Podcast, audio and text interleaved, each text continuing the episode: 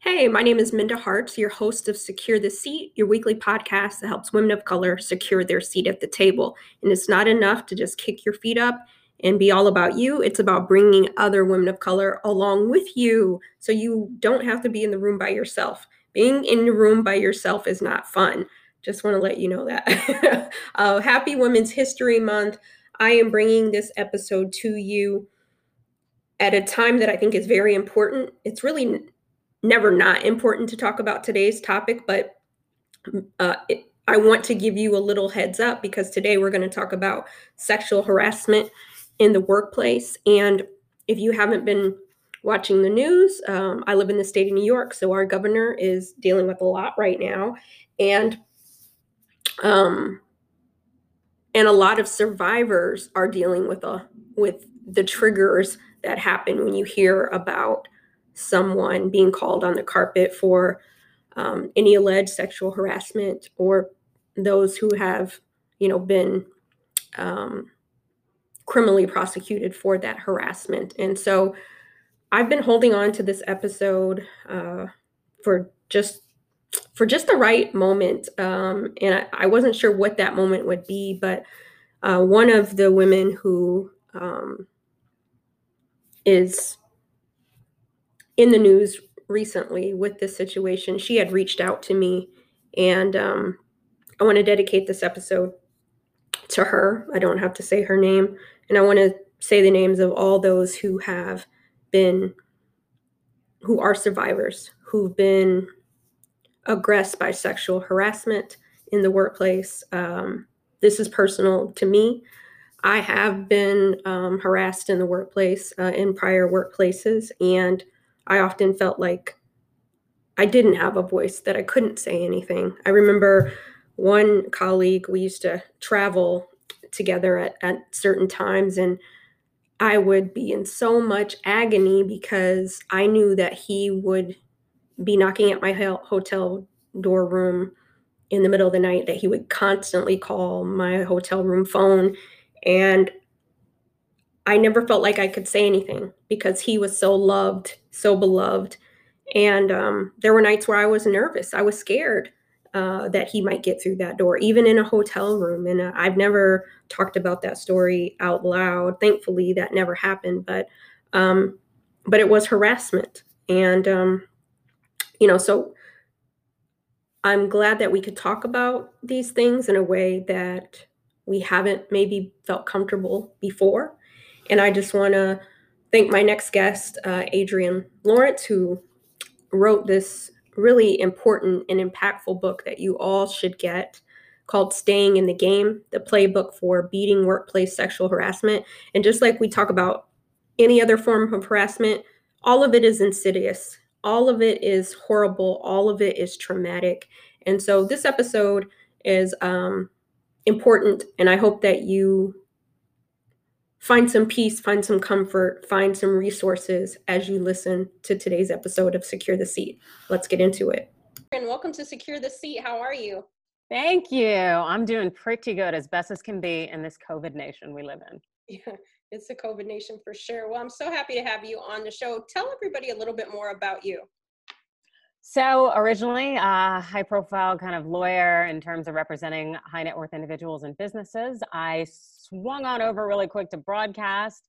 I was at uh, two years at ESPN. Uh, and then I moved over to women's rights, kind of in terms of gender equity issues after experiencing sexual harassment at ESPN and becoming the first on air personality to sue them for sexual harassment.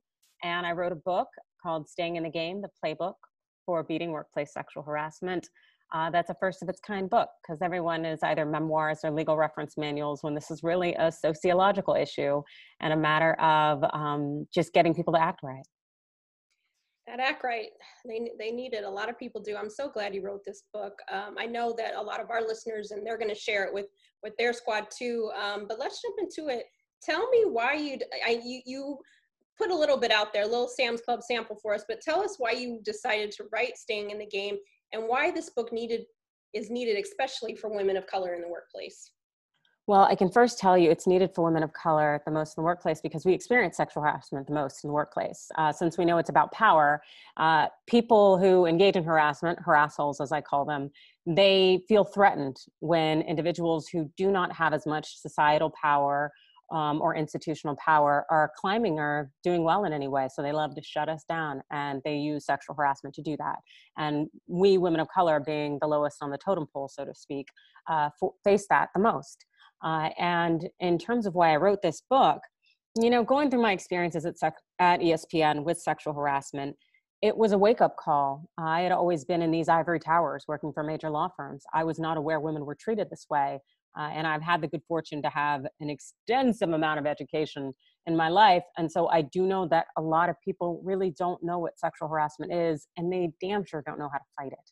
So being able to write a resource that's not the legal end when things go bad, but is the you know initial end of this is how you spot a harasshole uh, these are the traits you need to look for this is how you handle it so it doesn't blow up your career like it did for me well you know i'm sorry that it it blew up your career. And i know you're using this as a way so that the next woman doesn't feel like um, if it does blow up at least she has the tools right to move forward and navigate it. So I, I appreciate you sharing that. You know let's kind of level set because what is sexual harassment? Because if you're from a certain uh, time period in life where you grew up you know maybe that was just the way it is right? Um, and yeah. and now um, you may even hear that too but let's talk about what is it and how and why does it happen? So, sexual harassment, I like to say it's um, it's essentially workplace bullying in part because of your gender and refusal to essentially meet traditional gender norms. And that could be if you are a woman, maybe you're not a stay at home mom, maybe you're not a uh, kind of I Love Lucy type 1950 style. And that is what harassers don't like. They want traditional gender norms where you have segregation of the genders as well as segregation of the races, uh, which is why I always tell people where there is racism, there is sex- sexism, and vice versa. And it's so important for women to know and understand that that bullying can come in the form of come ons which is sexual, you know, coming your way, and put downs, so microaggressions.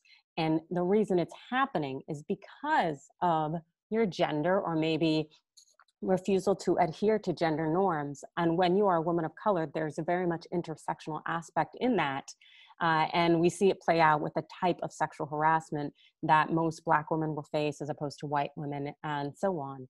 And unfortunately, a lot of people think of sexual harassment as just being something sexual related, and that is not the case. This is bullying all the way around, not inviting you to meetings, microaggressions, being cruel, calling you the C word, and so on. Thank you for laying that out. I was just thinking about, uh, as you were talking, the times that I've even experienced it, and I've said, well, that's just Bob being Bob, right? Even though you know deep down, Bob shouldn't be treating people that way, right? Um, exactly. So did he touch me? No, but he said some things that were inappropriate, right? And that's still a form of sexual harassment in terms of what you said too. Absolutely. It's kind of this goal of, I try to remind people the goal for harassholes is to make you play small, to push you out of the workplace, to make you insecure, to make it so that you don't shine, rise, and flex all of your queendom. And that's what they want. They want to keep their thumb on you and keep the power over you and it's really pathetic but unfortunately it can be really costly for us especially black women. Yeah absolutely. And i know that some may say well you know the me, me too movement. Okay we're in the me too era but studies show that women in the workforce continue to, to harbor misconception around sexual harassment. Can you shed a little more light on the misconceptions? I know you touched on them a little in your in your previous answer. Oh absolutely. So sexual harassment in its own is a misnomer in terms of it already has this implication of sexual in it. And so a lot of people think it's something sexual not at all. You know it's it's essentially harassment based on your sex. And sometimes it manifests as something sexual and sometimes it's just um, just bullying rude treatment mistreatment. Uh, you know you did really great on that project for a black girl. You know it's those little things and those slights. The goal is to get you to play small ball. And that's not essentially what you should do. You have to know how to fight back and you want to fight back in a way that doesn't cost you your career because as we know companies aren't here for you and so it's just so important uh, because it's some it's a way that women are kept out of the workplace and it's a way that women are downgraded and and it's just very very costly for us economically when it comes to our independence Yep, I love that, and I love how you your terminology of harass holes because that is that is exactly what I'm thinking. There's so many guys that I could have definitely label uh, labeled that. So thank you, for, thank you for using that term. So we have. Thank you.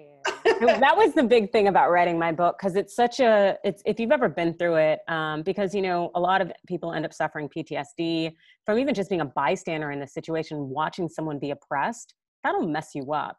And so I know how heavy the subject can be and I saw what it did to my life. And so I wanted to address it in a way that didn't feel as oppressive as it was but i don't sh- i don't hide any of the realities of it but still i want to take a more lighthearted approach to it because it's not endemic um, or it's not you know it's not everywhere it's all the time and it's consistent.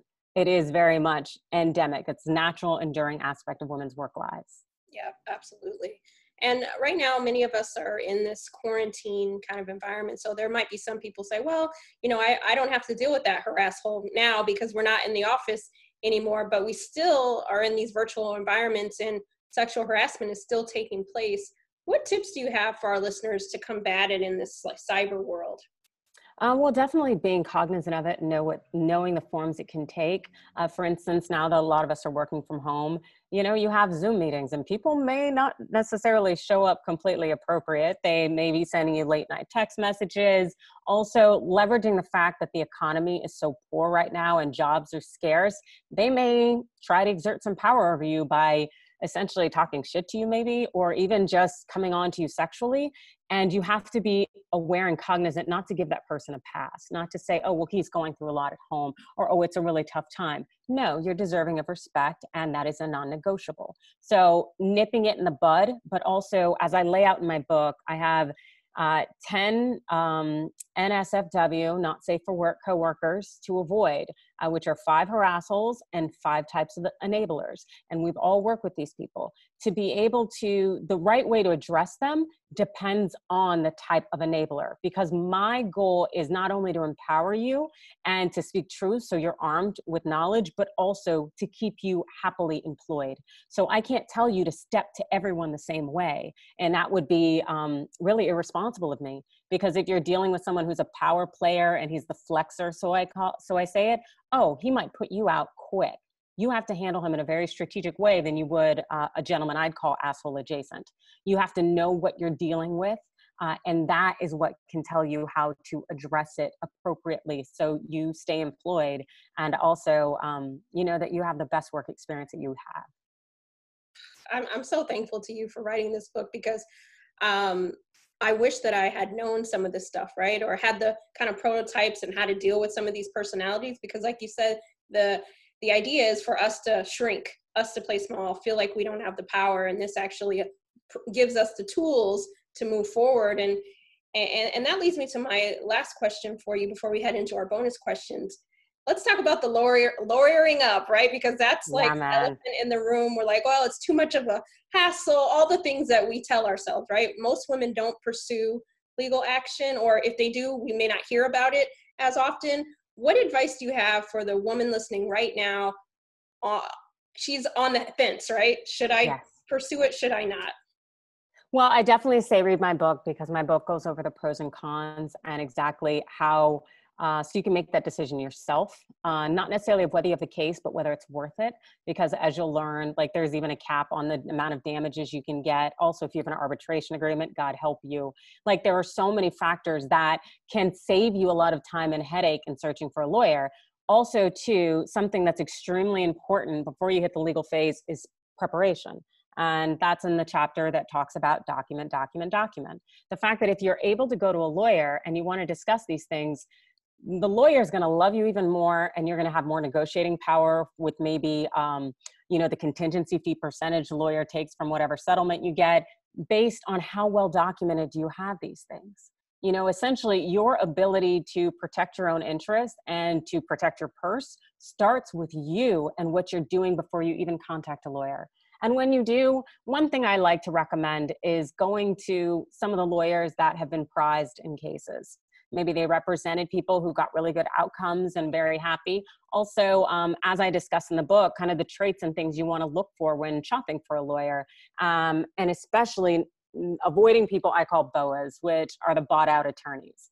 Uh, and we saw that in the Harvey Weinstein case, where you know he was able to get a bunch of lawyers on his side, and they were doing all sorts of nonsense behind the scenes. You want to make sure that your lawyer is here for you, not necessarily here for that paycheck, because you know, and oftentimes the employer can essentially rally more money than you ever could and buy out your lawyer.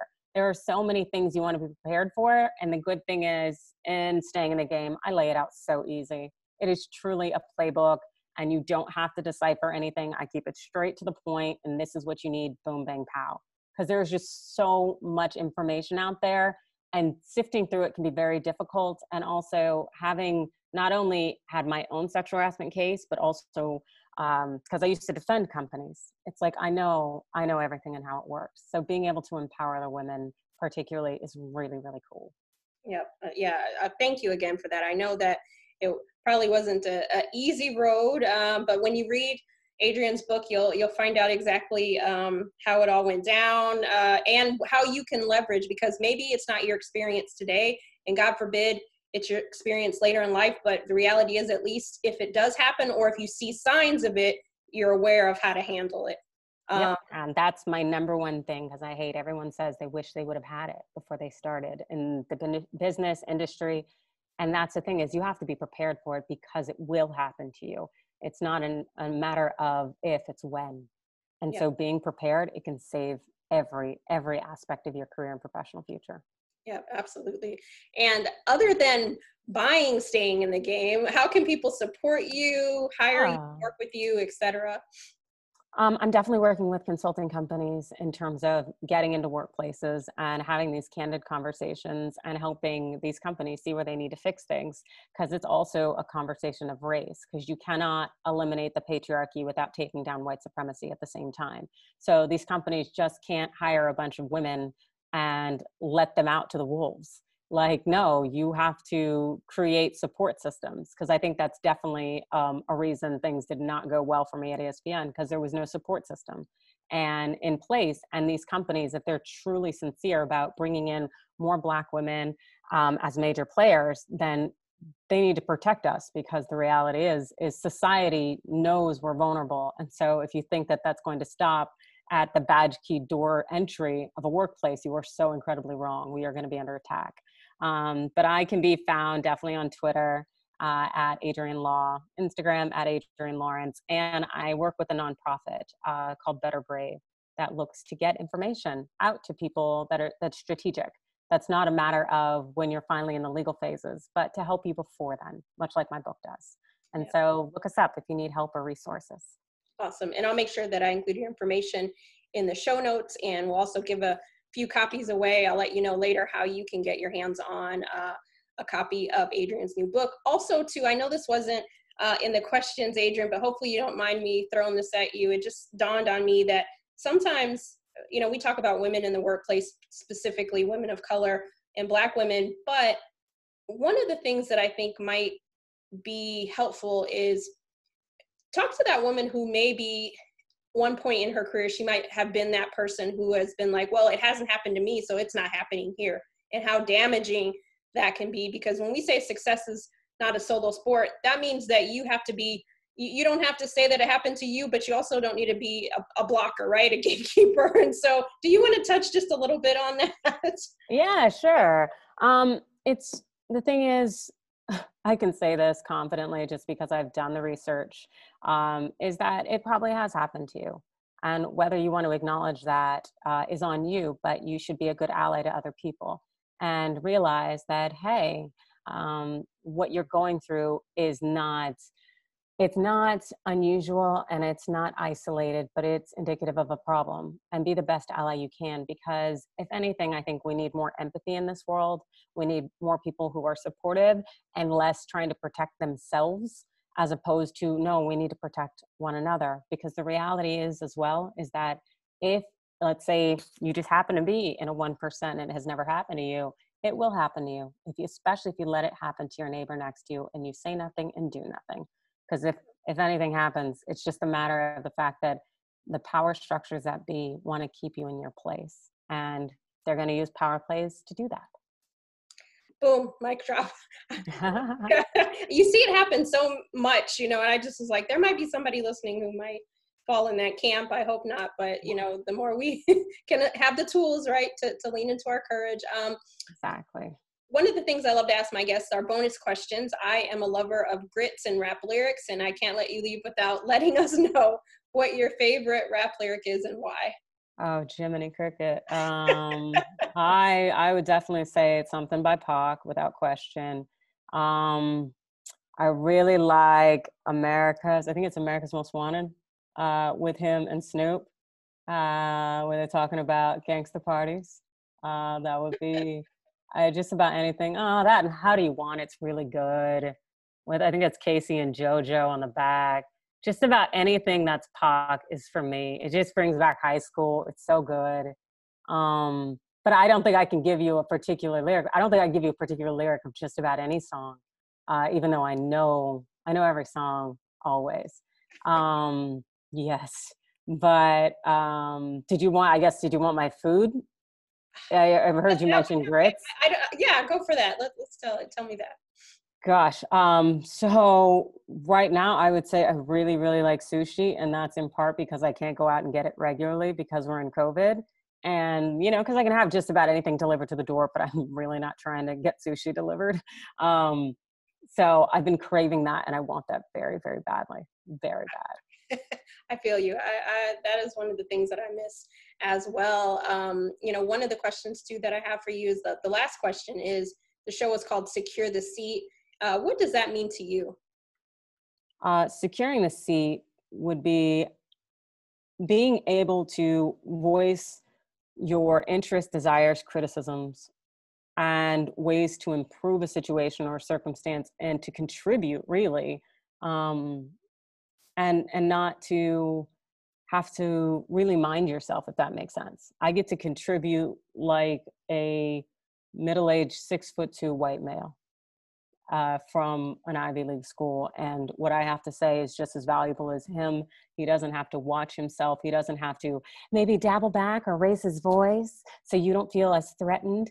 Um, that's what a seat at the table means to me, where I can truly be valued in my own right and be treated um, probably like a middle aged white male. That'd be really nice. Yeah. What would that feel like? Yeah. Jesus. For real. Uh, uh, that's what we're striving for to to for to be seen, right, and to have our voice be heard like anyone else. Uh, but I appreciate the work you do and how you lean into your courage and you push aside your caution with this book, um, staying in the game. So thank you. Thank you for listening to today's episode. I hope that you will go and buy Adrienne's book. It's available wherever books are sold. Send us a message on social media, uh, I'm most active on Twitter. I know that Adrian is too, uh, but I'll have our links in the show notes.